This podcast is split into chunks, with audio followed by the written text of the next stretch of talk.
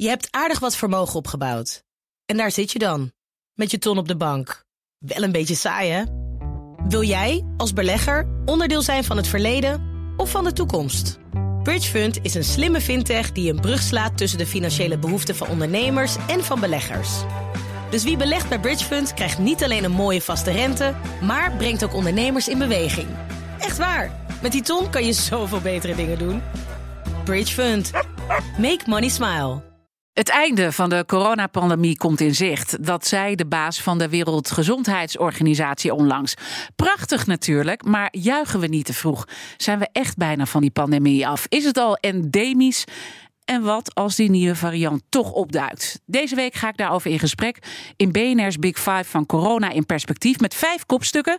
We blikken ook uh, terug, want we moeten natuurlijk ook bepaalde dingen leren van het verleden en brengen nieuwe dilemma's in beeld. Vandaag doe ik dat met Margriet Schneider. Zij is voorzitter van de Raad van Bestuur van het UMC Utrecht, vicevoorzitter van de Nederlandse Federatie van Universitair Medische Centra en voorzitter van het regionaal overleg acute zorg Midden-Nederland. Margriet, welkom. Fijn dat je er bent. Dankjewel. Ik ga het straks natuurlijk uh, zeker hebben over de actuele coronasituatie in de ziekenhuizen. En ook wat jij merkt in jouw eigen ziekenhuis. Maar uh, voordat ik dat ga doen, wil ik twee dingen van je weten. Het eerste is, wat is nou de belangrijkste les die jij hebt geleerd in nu 2,5 jaar corona?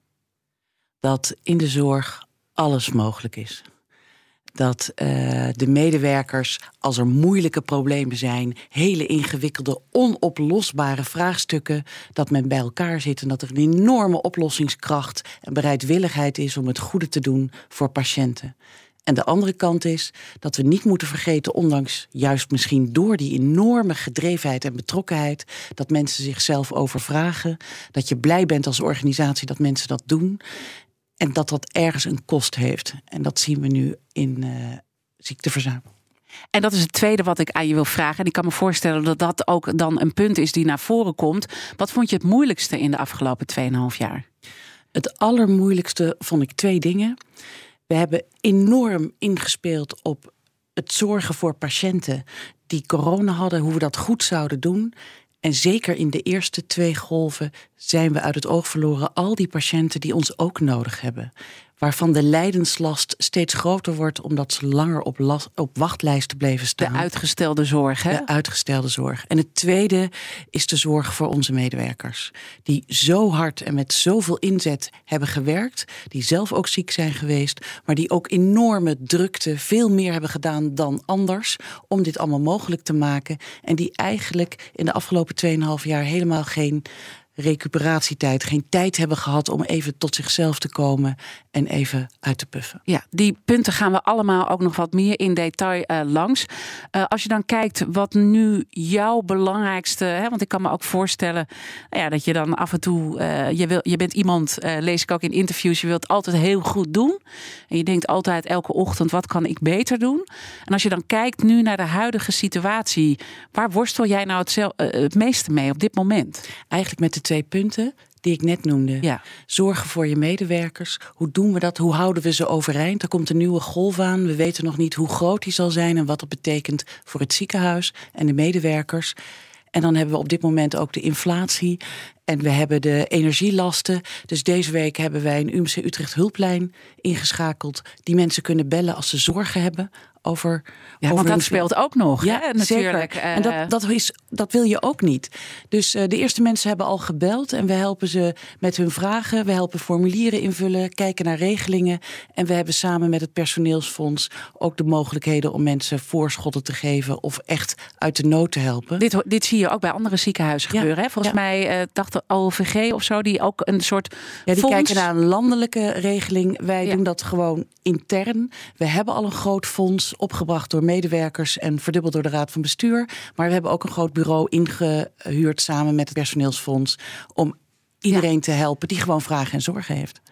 Kortom, je moet uh, op heel veel borden moet je uh, uiteindelijk uh, schakelen. Laten we toch ook de actuele situatie erbij pakken. Want je zei al, ja, coronagolf. aan de ene kant hebben we dus de baas van de WHO, de Wereldgezondheidsorganisatie, horen zeggen: het einde van de pandemie is in zicht.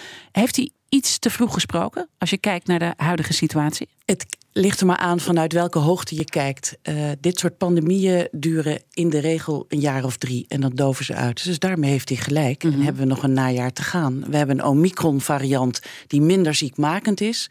Dus als je van zijn perspectief kijkt, kun je zeggen het dooft uit. Maar dat is niet de realiteit van alle dag, waarin we horen dat er meer coronapatiënten komen, dat ze bij de huisartsen komen in de wijkzorg en langzaam maar zeker nu het ziekenhuis indruppelen.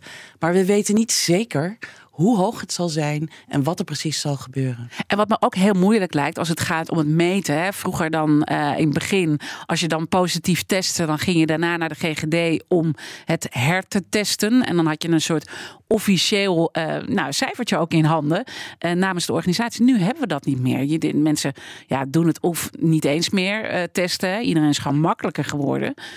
Of doen een test en gaan gewoon thuis zitten. Maar zou het nog wel eens kunnen zijn dat we veel hoger in de piek zitten dan dat we nu kunnen zien, feitelijk? Nou, dat is zeker. Ja. En ehm, we weten natuurlijk niet precies. Het is minder ziekmakend. En we kijken naar het virus in het riool. We kijken naar allerlei zaken waardoor we wel een indruk hebben en een vergelijking kunnen maken met andere golven. We weten alleen niet hoe het virus zelf zich ontwikkelt. Of er nog een variant komt die ineens wel ziekmakend is. Of waar de vaccins minder tegen werken. We hebben Dus- natuurlijk wel een alarmerende studie vanuit China, hè, waarvan eh, nu ook ja, daar, Marion Koopmans, eh, viroloog, kijkt daar ook echt serieus naar. Van wat gebeurt daar? Maak je je er zorgen over? Ja, ik maak me altijd zorgen en ook weer niet. Er zijn twee dingen. In iedere golf zijn er andere problemen. De eerste golf hadden we IC-bedden nodig. Toen bleken we gewoon van 25 naar 80 IC-bedden in het UMC Utrecht te kunnen gaan. Maar toen lieten we ook alles uit onze handen vallen. De tweede keer zeiden we dat moeten we niet doen. Goed overleg met andere ziekenhuizen en landelijk. De tweede keer moesten we vooral bedden in de kliniek regelen, cohorten regelen, onze capaciteit van personeel veel beter verdelen, veel beter opleiden. En de derde of de vierde keer lag het probleem vooral in de wijk en bij de huisartsen. En toen hebben we onze mensen verplaatst naar de huisartsen om triage te doen, om ze te helpen in de diensten. En de vierde keer waren de vaccins een probleem. Hoe krijgen we de hele bevolking gevaccineerd? En toen hebben we geholpen met 150 man met een twijfeltelefoon. We zijn de, ehm, de wijken ingegaan naar eh, winkelcentra met Ja, onze dus bent-. Dus je moet elke keer zoeken waar kunnen wij bijdragen. Ook al zou je zeggen het is niet de taak van een academisch ziekenhuis. Maar waar kunnen we bijdragen om waar de nood het hoogst is... ja. Ja. een ingreep te doen. En ik denk dat het mooi is om daar de kettingvraag even bij te pakken. Want de grote vraag is, wat moet er dan nu eh, gebeuren? In de vorige aflevering sprak ik met Maarten Keulemans. Hij is wetenschapsjournalist bij de Volkskrant. En werd verslaggever van het jaar 2021. Omdat hij de coronaverslaggeving zo goed had gedaan. En hij had deze vraag voor jou. Mevrouw Snijder, stel nou, het gaat helemaal mis. We krijgen een nieuw virus. We krijgen een nieuwe variant die weer mensen heel ziek maakt. En weer een, eh, waardoor de zorg weer eh, extra belast wordt. Eh, wat gaat er dit keer nou precies anders dan de vorige keer in uw ziekenhuis? Nou, het eerste wat anders is, is dat we in deze twee jaar een eh, capaciteitscentrum hebben ingericht, gerund door verpleegkundigen, waarbij we continu weten hoeveel verpleegkundigen zijn er in welke diensten aanwezig, hoeveel vrije bedden hebben we, real-time, ieder uur. En dat wordt gelieerd aan alle acute opnames en alle eh, geplande opnames. En dat heeft een enorme capaciteitsbenutting extra gegeven van 20, 25 procent. Dat is fantastisch Dus je hebt echt ruimte gecreëerd. gecreëerd, absoluut. En dat geldt ook voor de OK's. Dat we andere werktijden hebben gecreëerd, waardoor we nieuwe OK's nog kunnen opstarten. En dat heeft ook enorm, heeft iets van 15% extra capaciteit op onze OK's en onze IC's geleverd. Een ander ding wat we hebben geleerd is dat in onze ROAS Midden-Nederland, en dat geldt voor alle ROAS'en, hebben we ongelooflijk goede wekelijkse overlegstructuur. Met een kernteam en een groot team, waar besluiten worden genomen, waar iedereen weet eh, wat de stand van zaken is. We doen wekelijkse monitor. We snappen van elkaar waar de problemen liggen, wie wie moet helpen. We hebben elke keer die besluiten vastgelegd. Dus elke keer zeggen we: Oh nee, dat hebben we vorig jaar ook gehad. Wat hebben we daar ook weer over afgesproken? Gaan we nu doen? Ja, maar toch blijft het een beetje onbekend wat er gaat eh, gebeuren. Hè? We zitten eigenlijk nu in een soort tussenfase dat we niet precies weten eh, hoe hard het welke kant eh, op gaat. Kan je nu al zien dat het ergens begint te piepen en te kraken? Want we horen nou ja, het RIVM ook zeggen: besmettingen nemen toe, ziekenhuisopnames nemen toe. Ik neem aan bij jullie ook. Ja, dat neemt licht toe. Licht, ja. Ehm, we verwachten natuurlijk dat dat meer wordt. En we hebben afgelopen week al met de ROAS overlegd over zijn er op dit moment problemen? Nee, de regio als zodanig staat nog op groen. Mhm. Lopen dan de huisartsen, de wijkzorg, uh, de ziekenhuizen, de VVT-instellingen langs. En kijken, is er al iets wat we nu kunnen doen, al vooracterend, wat we eerder hebben gedaan met succes. Welk probleem is er en wat moeten we precies oplossen? En toch wil ik uh, ook met jou een beetje de worst case scenario's mm -hmm. uh, doornemen. En dat uh, zeg ik ook omdat er eigenlijk alle organisaties die hier een beetje verstand van hebben en goed hebben teruggekeken en vooruit hebben gekeken. Ik noem een OVV, ik noem een WRR, ik noem ook het MIT, het, die meer ook de, naar de maatschappelijke lijnen moet kijken, voorgezeten door Jolanda Sap. die bijvoorbeeld gisteren zegt: het, het kabinet is er niet klaar voor. We zijn gewoon niet goed uh, uh, voorbereid eigenlijk. Ja, ik vind dat op zich is dat terecht, en, maar ook te makkelijk. Mm -hmm. Het grootste probleem is net wat ik helemaal aan het begin zei. Wat doen we met de Nederlandse inwoners die ziektes krijgen of die al heel lang op wachtlijsten staan, waarvan de lijdenslast steeds groter wordt?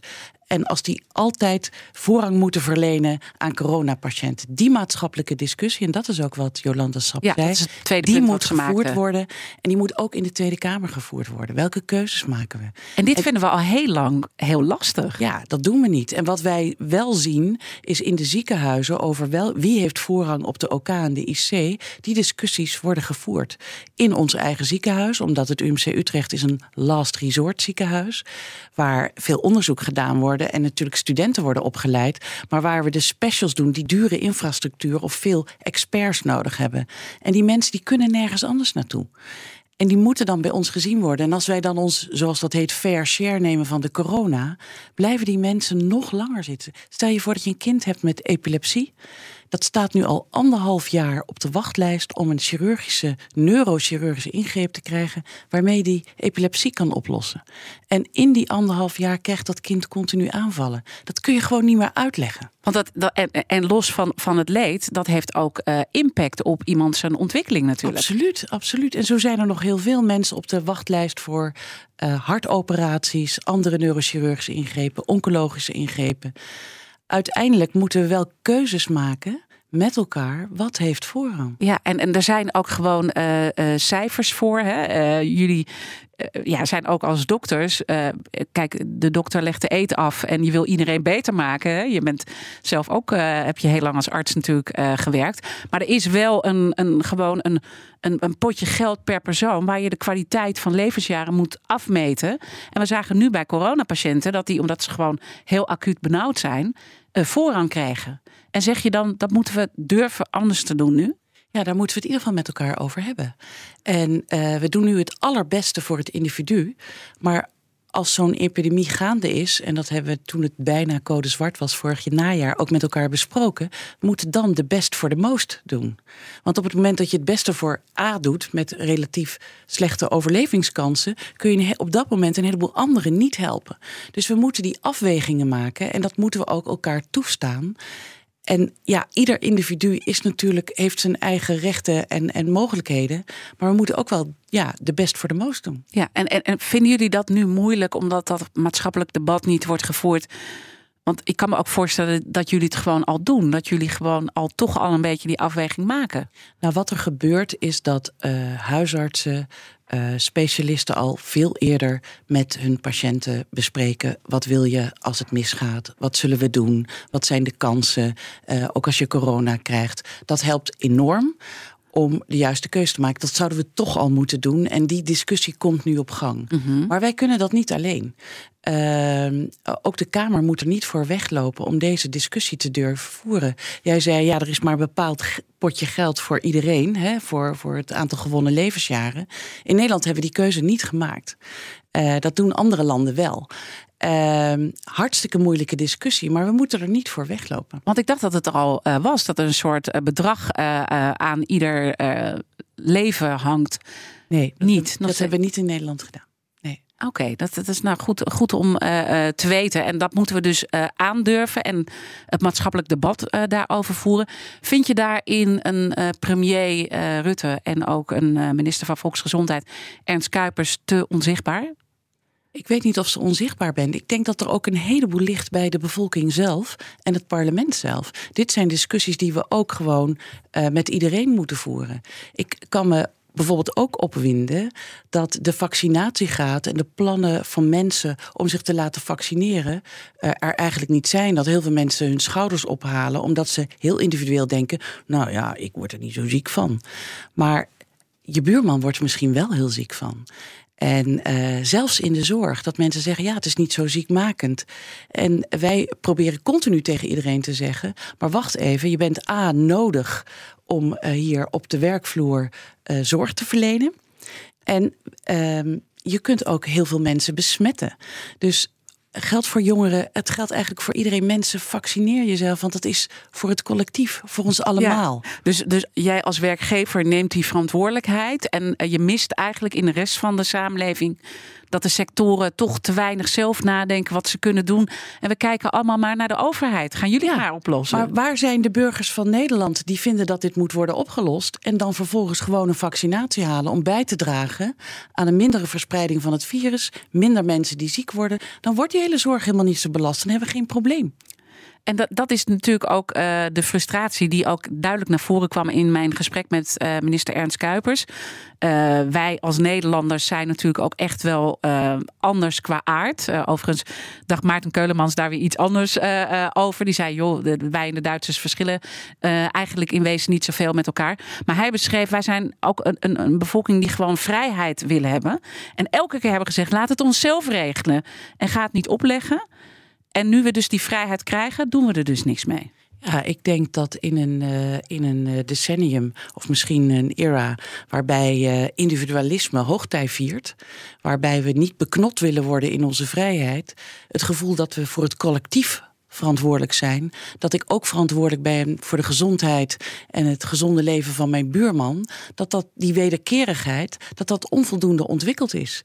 Ik denk dat we met elkaar moeten zeggen, als wij hier Nederland goed de winter door willen helpen, dan moeten we allemaal onze verantwoordelijkheid nemen. En vind je dan dat we eigenlijk ook weer mondkapjes moeten gaan dragen? Hè? Want eigenlijk de enige regel die er nog is, op het moment dat je dus uh, weet dat je corona hebt, moet je vijf dagen thuis uh, blijven. En verder is er eigenlijk uh, geen regel meer. Zouden we toch ook zelf het initiatief weer moeten nemen om aan die mondkapjes te gaan? Nou, je ziet in heel veel andere landen dat mensen dat gewoon doen dat mensen dat zelf doen. En uh, die, die, hele discussie over mondkapjes, als je ze heel goed gebruikt en je gebruikt de goede mondkapjes, dan helpt het. Maar heel veel mensen hebben ze half hangen of doen ze half af of hebben het verkeerde mondkapje. En ja, dan werkt het niet. Nee. Maar ook het vaccineren helpt. Um, al die dingen helpen en mensen kunnen heel goed nadenken. Uh, dat zagen we ook bij uh, die twijfeltelefoon en bij het bezoeken mm -hmm. in wijkcentra en in uh, winkelcentra. Dat mensen gewoon allemaal vragen hebben. En als je het ze uitlegt, dan zeggen ze: Oh. Ja, nou. maar dit is dus wel een belangrijk punt. Want oké, jullie nemen dan de verantwoordelijkheid om het uit te leggen. En dat zouden misschien dan meer werkgevers uh, uh, moeten doen. Uh, toch lijkt ook de overheidscommunicatie wel een beetje te horten en te stoten. Want er is dan wel een, een campagne, maar die is nauwelijks uh, zichtbaar. En kan je het mensen kwalijk nemen als je aan de ene kant een WHO-baas hoort zeggen: einde van de pandemie is in zicht. Ja, dan denk je ook een beetje: ja, het, het zal wel goed komen. Ik snap het ook wel vanuit de ja, samenleving. Ik snap het ook wel. Alleen ja, dat, dat moeten we dan duidelijker maken. Dat we uh, verantwoordelijkheid hebben voor ons allemaal als samenleving. Ook van de buurman in de straat die 80 is. Mm -hmm. Die daar dan uit angst de hele dag thuis en binnen blijft. Over eenzaamheid gesproken, omdat hij bang is om besmet te worden. Laten we een beetje elkaar voor elkaar zorgen. Want uiteindelijk, uh, als je dan bij jouw grote hoofdpijndossier komt, straks komen we nog op het personeel uh, zelf uit, maar dan is het dus die uitgestelde zorg. Ja. Uh, daarvan zei Ernst Kuipers toen ik hem twee maanden voordat hij minister was sprak, toen was hij natuurlijk nog bestuursvoorzitter. We nemen de zoveelste hypotheek op. Uh, kankerpatiënten en uh, hartpatiënten. En nou ja, maak het hele rijtje maar af. En dat is echt de laatste keer dat we dat moeten doen. Maar eigenlijk nemen we dus weer die hypotheek. Ja, eigenlijk wel. En dat, is natuurlijk, dat verontrust mij enorm, omdat er nu weer gesproken wordt: zijn er nu extra IC-bedden en zijn er extra bedden? Maar je, ik kan er heel veel bedden met dekentjes neerzetten, maar waar haal ik het personeel vandaan? En um, ook het personeel, behalve dat het ziek is en vermoeid of uh, corona heeft gehad of oververmoeid is, zeggen ook personeelsleden van ja, ik weet niet of het nog wel zo leuk is om in de zorg te werken. Ik ga iets anders doen. Dat is natuurlijk hartstikke goed opgeleid personeel die wat kan. En die met het huidige personeelskracht kunnen die overal terecht. Morgen dan is uh, Lisbeth Spies bij mij te gast. Zij is voorzitter van het Genootschap van Burgemeesters en tevens burgemeester van Alphen aan de Rijn. Abonneer je vast op onze podcast via je favoriete podcastkanaal, want dan weet je zeker dat je geen aflevering mist. Zometeen praat ik verder met Margriet Snijder. Zij is voorzitter van de Raad van Bestuur van het UMC Utrecht. En dan uh, praten we ook door over dat personeel, die mentale belasting, die fysieke belasting. En hoe houdbaar eigenlijk überhaupt het hele systeem uh, nog is. Dan komen we ook een beetje richting dat uh, integraal zorgakkoord. Want het piept en het kraakt en er gaat veel te veel geld om in de zorg. Blijf luisteren. Welkom bij het tweede halfuur. Deze week praat ik met vijf kopstukken uit de wereld van corona. Eerder deze week sprak ik met Ernst Kuipers, onze minister van Volksgezondheid, Welzijn en Sport. En ik sprak met hem over de grootste dilemma's waar hij nu voor staat. En dat was ook vooral de grimmige sfeer in politiek Den Haag, waarbij het moeilijk is draagvlak te vinden uh, voor alle zaken die hij wil doorvoeren. Het gesprek is uh, terug te luisteren via onze app en de bekende podcastkanalen. Mijn gast vandaag is Margriet Snijder. Zij is bestuursvoorzitter van het UMC Utrecht en tevens de voorzitter van het regionaal overleg acute zorg Midden-Nederland. Het komend half uur wil ik in ieder geval nog uh, twee onderwerpen met je bespreken, namelijk hoe een goede toekomstige zorg eruit moet zien en de lessen van ruim twee jaar corona. Laten we met dat laatste beginnen. Je hebt al ook een paar punten uh, benoemd, maar als je nu terugkijkt, uh, wat zijn nou de belangrijkste lessons learned? Nou, het belangrijkste is wat ik helemaal aan het begin zei van dit gesprek: dat uh, het personeel ongelooflijk betrokken en inventief is. En dat we met elkaar in de hele keten veel tot stand kunnen brengen. Dat biedt hoop, ook voor het integraal zorgakkoord, wat integraal is. Tweede is dat digitalisering in de zorg. Uh, voor corona hadden we het vooral over voorkomen, over vervangen en verplaatsen. Dat deden we in minimaal. Uh, nu is het zelfs gekomen in het UMC Utrecht tot een groot medisch regiecentrum. Waarbij we teletriage doen. Welke mensen moeten wel of niet komen. Bijvoorbeeld bij de oogartsen hebben we al 4000 patiënten gedaan. We voorspellen of mensen ziek worden. Of we de medicatie thuis wel of niet kunnen ophogen zonder dat ze naar het ziekenhuis komen thuisverplaatste zorg. Dus mensen die vervroegd met corona zijn we begonnen, maar nu doen we het met heel veel andere ziekenbeelden naar huis gaan. Met een app, 7 keer 24 uur monitoring. Ook met uh, zuurstofmeters en bloeddrukmeters in samenspraak met de huisartsen. Um, waardoor we plek hebben in het ziekenhuis en mensen zich veel fijner thuis voelen. Dus die eerste stap naar digitalisering is wel echt uh, wel degelijk gezet. Hè? Dat ja. zien we denk ik allemaal wel. Uh, hoewel er natuurlijk ook nog heel veel stappen gezet moeten worden. Ja, absoluut. Nou moeten we echt schaal vergroten. En dan krijg je iets heel Nederlands. Dat iedereen zegt: nee, maar ik ga het ook doen. En ik ga het op mijn manier doen. En voordat je het weet, hebben we 80 medisch regiecentra. Terwijl we met een aantal medische regiecentra eigenlijk al voldoende hebben om dat goed te doen. En ik denk dat het goed is om dat met elkaar regionaal te doen. Dat is de tweede les. Door die hele goede regionale contacten is in alle ROAS'en, en dus ook die in, uh, in Midden-Nederland, hebben we met elkaar gesproken over hoe gaan we die acute zorg ook niet alleen voor corona, maar voor de rest inrichten. Wat is first time right? Hoe zorgen we dat alle uh, inwoners van de regio Utrecht-Groot dezelfde toegang hebben tot de zorg, uh, op tijd bij de eerste hulpen of bij huisartsen aankomen. Hoe gaan we dat met elkaar doen? Zowel digitaal als met elkaar in een, uh, in een uh, regiecentrum. Ja, want merk je dat daar ook een bepaalde tweedeling is? Dat niet iedereen die toegang goed heeft, even los van de uitgestelde zorg. Hè? Die heb je al benoemd. Maar zie je ook bepaalde groepen die jullie toch minder goed bereiken? Ja, zeker. En dat was eigenlijk al, waren we daar druk mee bezig in de Health Hub Utrecht. Wat gaat over gezond leven. Uh, daar hebben we een prachtig project, IGLO. Iedereen een gezonde leefomgeving. Daar uh, kijken we met beelden en getallen hoe gezond een wijk is. En vervolgens gaan we met inclusief onderzoek, dat betekent met de bewoners, met publieke, private partijen en de gezondheidszorg, de care en de cure, kijken wat is hier nu nodig. En bij een achterstandswijk in Utrecht wordt nu heel veel gesloopt en gerenoveerd. En daar wordt gekeken, daar zijn mensen volgens hunzelf helemaal gezond. Terwijl ze allemaal overgewicht hebben en allerlei klachten. Maar zo ervaren ze dat niet. Ehm, daar moet je dus naar kijken. Wat doe je dan? Als je dan tegen deze mensen zegt bewegen, dan blijkt dat ze naar groen gaan als er iets te doen is. Ze gaan helemaal niet bewegen. En ze hebben het idee dat ze gezond eten. En als er gerenoveerd worden, blijkt dat de overlast die ze ervaren van rinkelend glas, dat dat mensen heel erg, nou ik zou het niet bedenken, Mhm. maar als je dat kunt voorkomen en je doet dat real time met de woningbouwverenigingen, dat dan mensen hun welbevinden, hun angst eh, verandert. Dus in Er dat is heel onder- veel mogelijk eigenlijk als je dat eh, in de preventieve sfeer. En dat is natuurlijk ook hoe de zorg helemaal moet eh, gaan bewegen. Toch vraag ik me dan af met alle punten die je benoemt. de werkdruk, de uitgestelde zorg. waar men niet aan toekomt. Nog steeds niet. Hè? En dat is toch weer die hypotheek op die, die mensen wordt genomen. Kan je dit er dan allemaal wel bij doen? Nou ja, je moet bedenken, een universitair medisch centrum heeft zorg. Dat is last resort zorg, daar hebben we het over gehad. Ja. En dat is echt een groot punt. Maar we hebben natuurlijk ook een heel groot onderzoeksgedeelte en een opleidingsgedeelte. Ja.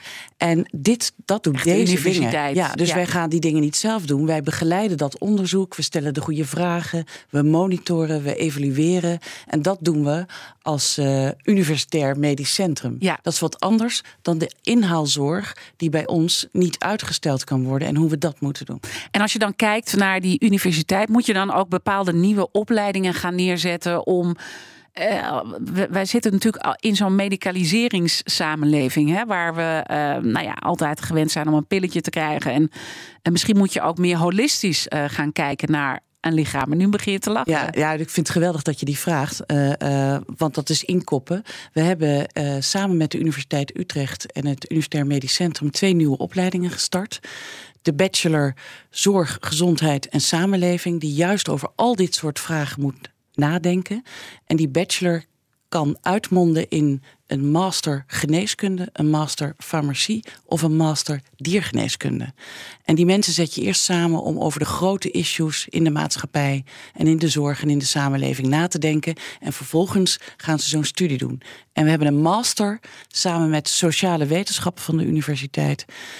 Eh, medical humanities. En dat gaat over de grote vraagstukken die we nu met elkaar moeten doen. En daar heb je mensen vanuit socia- eh, Ja. sociale domein ook echt dat we met elkaar na moeten denken. Hoe gaan we hiermee om? Ja, want, eh, want dan kom je ook bij het eh, mentale stuk. En dat is echt een groot zorgenpunt. eh, hè, want we, je kan naar het lichaam kijken en wat allemaal de effecten zijn van long covid. Maar de eenzaamheid, de jongeren die. ik las weer een bericht gisteren van 113 zelfmoordpreventie. Dat er gewoon nu meer jongeren ook zelfmoord plegen.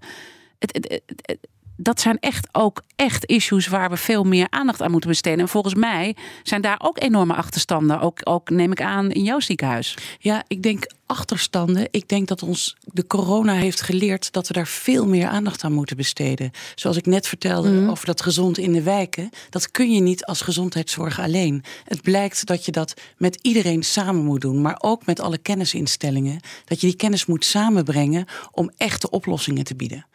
Eh, en dat zijn we nu met z'n allen aan het doen. En ik denk dat dat echt gaat helpen naar de toekomst toe. Ja, oké, dus dat zijn eh, belangrijke lessen die zijn geleerd. Ook die twijfeltelefoon, dat was echt ook eh, iets waar jullie ontzettend veel aan hebben gehad eh, in coronatijd. Is dat iets waarvan je zegt, daar kunnen we ook meer mee richting de toekomst? Absoluut. En ehm, je ziet dat wij zo'n telefoon nu voor onze eigen medewerkers in het kader van zorgen over energiekosten en financiële hulp hebben ingericht. En dan moet je niet mensen overtuigen, maar gewoon mensen de vragen laten stellen. Wij hebben hen niet opgeroepen roepen bij de twijfeltelefoon, een initiatief van Rotterdam, maar wat wij heel erg breed hebben overgenomen. Wij, wij hebben hun vragen beantwoord. Ja, want het ging over vaccineren. Hè, toen. ging over vaccineren. Ja, ja, dus het gaat om vragen beantwoorden. En dan zie je gewoon dat mensen toch heel veel vragen hebben. eh, ook als het gaat over energie. En daar heb je dus een bepaalde ruimte voor. Al met al. ehm, En het gaat niet alleen over vragen, het gaat over vertrouwen. ja, Mensen zijn hun vertrouwen in allerlei dingen kwijt. Hebben zoveel informatie dat ze niet meer weten eh, wat is nu waar en waar moet snap ik op reageren. Ja, natuurlijk. In deze tijd waar social media, nepnieuws, fake news, iedereen zit in, zoals ze dat mooi noemen, zijn eigen echokamer. Wat is nou eigenlijk waar? En als je gewoon een gemiddelde Nederlander weet, wat moet je nou eigenlijk geloven? ik merk dat ik dat als journalist ook zelf eh, lastig vind. Eh, en daar doen we met z'n allen heel erg ons best voor. Maar het is bijna ook soms niet meer uh, bij te houden. Uh, iets anders is natuurlijk wat je in het parlement uh, ziet gebeuren. En je zei eerder al, het parlement moet ook bepaalde discussies, maatschappelijke vraagstukken aan de orde stellen. Hè. Dat ging in de afweging wie help je wel en wie help je niet. maar hoe kijk je los van dit soort zaken naar een parlement die ons door meerdere crisis meervoud moet heen loodsen en hoe dan de discussies worden gevoerd? Nou ja, het is eigenlijk uh, de bal inschoppen. Ik vind het heel erg jammer dat het over korte termijn en over persoonlijk profileren gaat. Ik begrijp dat dat nodig is als je 18 partijen hebt en je wilt de volgende keer moet je herkozen worden. Dus ik heb, ik heb er begrip voor. Maar deze tijd vraagt om lange termijn oplossingen, om lange termijn dingen, het goede doen met elkaar. En vanuit verschillende perspectieven, dat mag, maar een echte open discussie om het beste te doen voor de inwoners van Nederland. Ik mis het gewoon. Ja. En ik vind eigenlijk ook dat uh, jullie als journalisten misschien meer je best moeten doen om niet die verschillen uit te vergroten en die mensen in praatprogramma's tegen elkaar op te zetten, mm -hmm. maar eigenlijk het podium moeten bieden om dat gesprek goed te leiden. Want dat doen jullie wel als dagvoorzitter op allerlei goede mogelijkheden. Jullie kunnen dat fantastisch, ja. maar op de tv zie ik heel vaak um, juist de, de verschillen uitvergroot. Dat helpt mensen niet. Nee, en, en uh, volgens mij proberen wij bij de Big Five dat trouwens wel Ja, te doen. Want zeker. we hebben echt ook de tijd. Daarom want- ik ook. Ja, fantastisch. Want, want eh, de- de- mensen staan ook onder druk om heel snel een quoteje af te geven. En dan heb je een soort half verhaal. En dan gaat er vervolgens weer iemand eh, op reageren. En eigenlijk beschreef eh, minister Ernst Kuipers dat ook. Die natuurlijk nu eh, acht maanden in die politieke eh, arena eh, staat. Dat het gewoon ehm, grimmig ook is. Ook binnen die politieke eh, arena. Ja, en dat vind ik jammer, want ik heb eh, ook als eh, voorzitter van de NFU heel veel partijen gesproken, bijna iedereen en ook de woordvoerders. En als je een één op één gesprek hebt, dan valt het me op wat een gedreven mensen dit zijn met het goede voor ogen. En als ik dan de discussies in de Kamer of in commissies zie, dan denk ik, waar zijn ze gebleven? Waar, waar wordt nu eigenlijk het gesprek over gevoerd? En het is eigenlijk ook wat het Sociaal Cultureel Planbureau, eh, toen nog onder leiding van Kim Putters, heel lang heeft gezegd: maak die stille middengroep meer zichtbaar. Ja, ik denk dat dat ook vertrouwen geeft. Mensen willen zien dat de discussies gevoerd worden over datgene waar ze over nadenken. Mensen in Nederland zijn hartstikke redelijk. Maar ze willen wel zien dat hun zorgen besproken worden en dat dan ook de ke- keuzes worden toegelicht. The Big Five. Diana Matroos. Je luistert naar BNR's Big Five van Corona in Perspectief. Morgen dan zal ik de week afsluiten met Lisbeth Spies. Zij is de voorzitter van het Genootschap van Burgemeesters... en tevens burgemeester van Alphen aan de Rijn. Mijn gast vandaag is Margriet Snijder... voorzitter van de Raad van Bestuur van het UMC Utrecht... en tevens voorzitter van het regionaal overleg Acute Zorg Midden-Nederland. Eh, je hebt eerder een kettingvraag eh, beantwoord... maar die vraag gaat natuurlijk door naar Lisbeth Spies dus... eh, voorzitter van het Genootschap van Burgemeesters. Wat zou je haar willen vragen? Nou, eigenlijk voortbordurend op wat we net gezegd hebben. Eh, er is veel kritiek op de overheid, op het parlement. En ik vraag me af, wat gaan we doen aan inwoners van Nederland? En wat kunnen zij doen als burgemeesters? Hoe betrekken we die daarbij? Hoe laten wij hen de verantwoordelijkheid, de wederkerigheid ervaren? Dat er ook van hen wat gevraagd wordt. Dat dat niet alleen van een overheid komt, maar dat we dit met elkaar moeten doen. En wat kunnen zij als burgemeesters in hun gemeente daaraan bijdragen om dat vertrouwen en die wederkerigheid ja, op te wekken of eh, te stimuleren? Mooie vraag, die ga ik haar zeker stellen. Stel dat jij nou burgemeester zou zijn eh, nou, van Utrecht of van eh, Amsterdam. Wat zou je dan doen? Ik denk dat het ontzettend belangrijk is om je ambtenaren en al je betrokkenen die wijken in te laten gaan.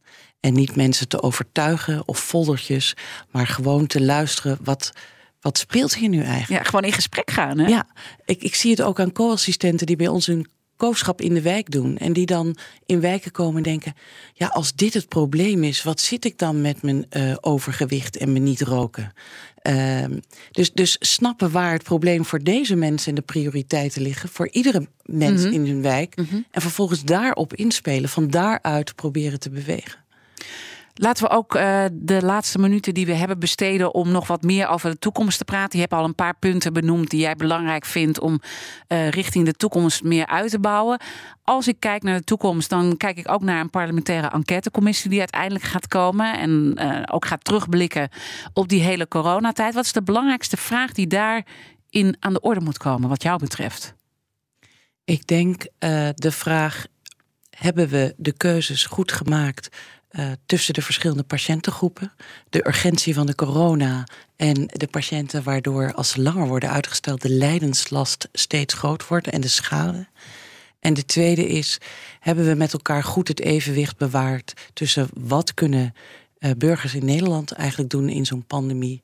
Die kunnen heel veel doen en uh, hoe zorgen we dat de hele keten in één keer goed met elkaar in gesprek is en dat we het probleem oplossen waar dat het het grootste is. Ja, moeten ze ook naar de rol van ziekenhuizen kijken en uh, wat zij beter hadden kunnen doen? Zeker. Ja, en Ik wat... denk alles, dat je naar alles moet kijken ja. wat je beter had kunnen en wat, doen. En wat vind jij dat de ziekenhuizen beter hadden kunnen doen? Of bijvoorbeeld je eigen ziekenhuis? Ik denk uh, in het begin dat we nog meer met elkaar hadden moeten samenwerken. Iedereen dacht, wat ga ik doen? Uh, maar ook in een regio en landelijk moet je ook kijken wat voor soort ziekenhuis is het of ZBC. En uh, wie kan wat doen en over welke patiënten gaat het dan? In academische huizen heb je natuurlijk toch die last resort zorg die enorme impact heeft. En andere zorg kan misschien makkelijker um, uh, uitgesteld worden. Dus dat fair share principe is op zich goed, maar gaat als het langer duurt ook echt nijpend worden. En dan op tijd bijstellen, dat soort zaken, daar moeten we echt goed met elkaar naar kijken.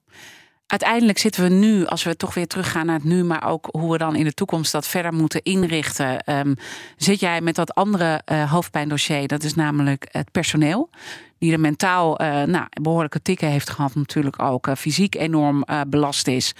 dat is ook de reden, we bespraken dat in de break, dat de uitgestelde zorg niet gerepareerd is in de zomer. Hè, wat de NZA, de Nederlandse Zorgautoriteit, wel toe had opgeroepen. Want je zei, mensen moesten ook even, even kunnen ademhalen. Ja, klopt. Ja. Kijk, de werkelijkheid is, en dat zien we in heel Nederland dat uh, we gaan niet meer personeel krijgen. Want uh, we hebben niet alleen de zorg minder personeel, maar ook in de horeca, de politie, defensie, onderwijs. Dus we moeten echt omdenken. Hoe gaan we met de, uh, het arbeidskapitaal, hoe zeg je met het menselijk kapitaal, hoe gaan we daar goed mee om? Hoe zorgen we dat we een goede werkgever zijn, ze goed betalen en mooie carrièrepaden geven en dat we het behapbaar maken? Maar wat kunnen we ook doen met digitale ontwikkeling om mensen te ontlasten? Um, en die vreselijke administratieve druk eindelijk weg absoluut. te nemen. Want dat is natuurlijk. Uh, kijk, ik heb een paar interviews met jou gelezen. En je zegt dat bureaucratische is ook juist een kracht van een uh, uh, ziekenhuis. En dat wil ik ook niet uh, eigenlijk op een andere manier, omdat je dan ook een soort willekeur uh, in een proces krijgt. En daar hebben natuurlijk al die papieren uh, toestanden ook mee te maken. Maar het is totaal doorgeschoten. Dat is het. En alles wat te is, is natuurlijk verkeerd. Mm -hmm. En ehm, we hebben bijvoorbeeld in het UMC Utrecht net de, een bepaalde kwaliteitsgrad accreditatie losgelaten en ingeleverd voor waardedialogen met patiënten en op een andere manier kijken, waardoor we een gedeelte van de bureaucratie oplossen om daadwerkelijk weer aan het bed te kijken wat is nodig, wat moeten we doen.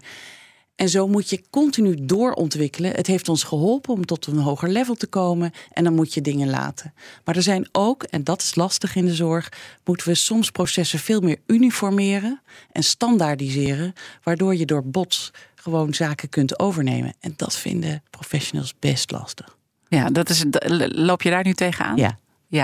En toch is dat de manier, als je dat uniformeren kunt doen, dan kun je ook zeggen: Oké jongens, maar dan laten we dit overnemen. Dan digitaliseren we dat. Dan hoef je dat niet meer te doen. Dan laten we het uit de apparaten gewoon in het systeem komen. Hoef je niet meer met dat blaadje dat elke keer uh, op te schrijven of af te vinken of dat soort zaken. Maar ja, dat vinden mensen lastig. De huisartsen, uh, dat is eigenlijk nu, je hebt heel mooi beschreven de verschillende fases hè, waar we uh, elke keer in hebben gezeten en wat het ook van jullie heeft gevraagd uh, als ziekenhuis. Maar als je naar de huidige situatie kijkt, de huisartsen zijn gewoon totaal overbelast. die liggen trouwens ook nog dwars bij dat integraal zorgakkoord, omdat ze gewoon ook, er zit heel veel wantrouwen ook bij die groep. Kunnen jullie daar nog iets doen aan ziekenhuizen? Want ik hoor je een paar keer zeggen, wij zijn het last resort. Ehm, maar ja, daardoor komt er wel ook heel veel door putje moeten bij de, bij de huisartsen. Ja, er zijn eh, twee dingen. We hebben natuurlijk ook een heel groot huisartseninstituut in het UMC Utrecht. We hebben alle UMC's. En daar denken we natuurlijk mee over ontwikkelen in het kader van onderzoek en opleiden.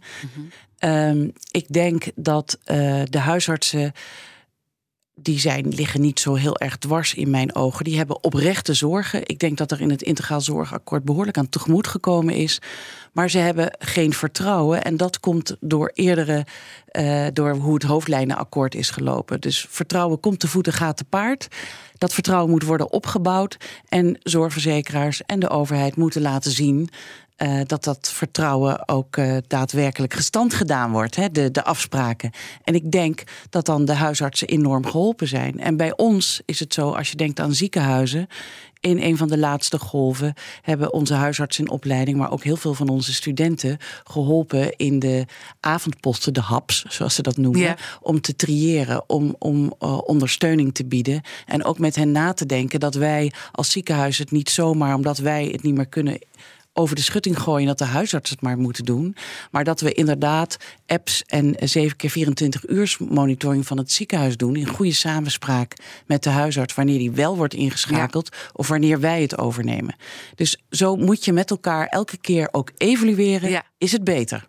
En ook misschien fouten durven maken. En ook zien dat het over een lange termijn verandering gaat.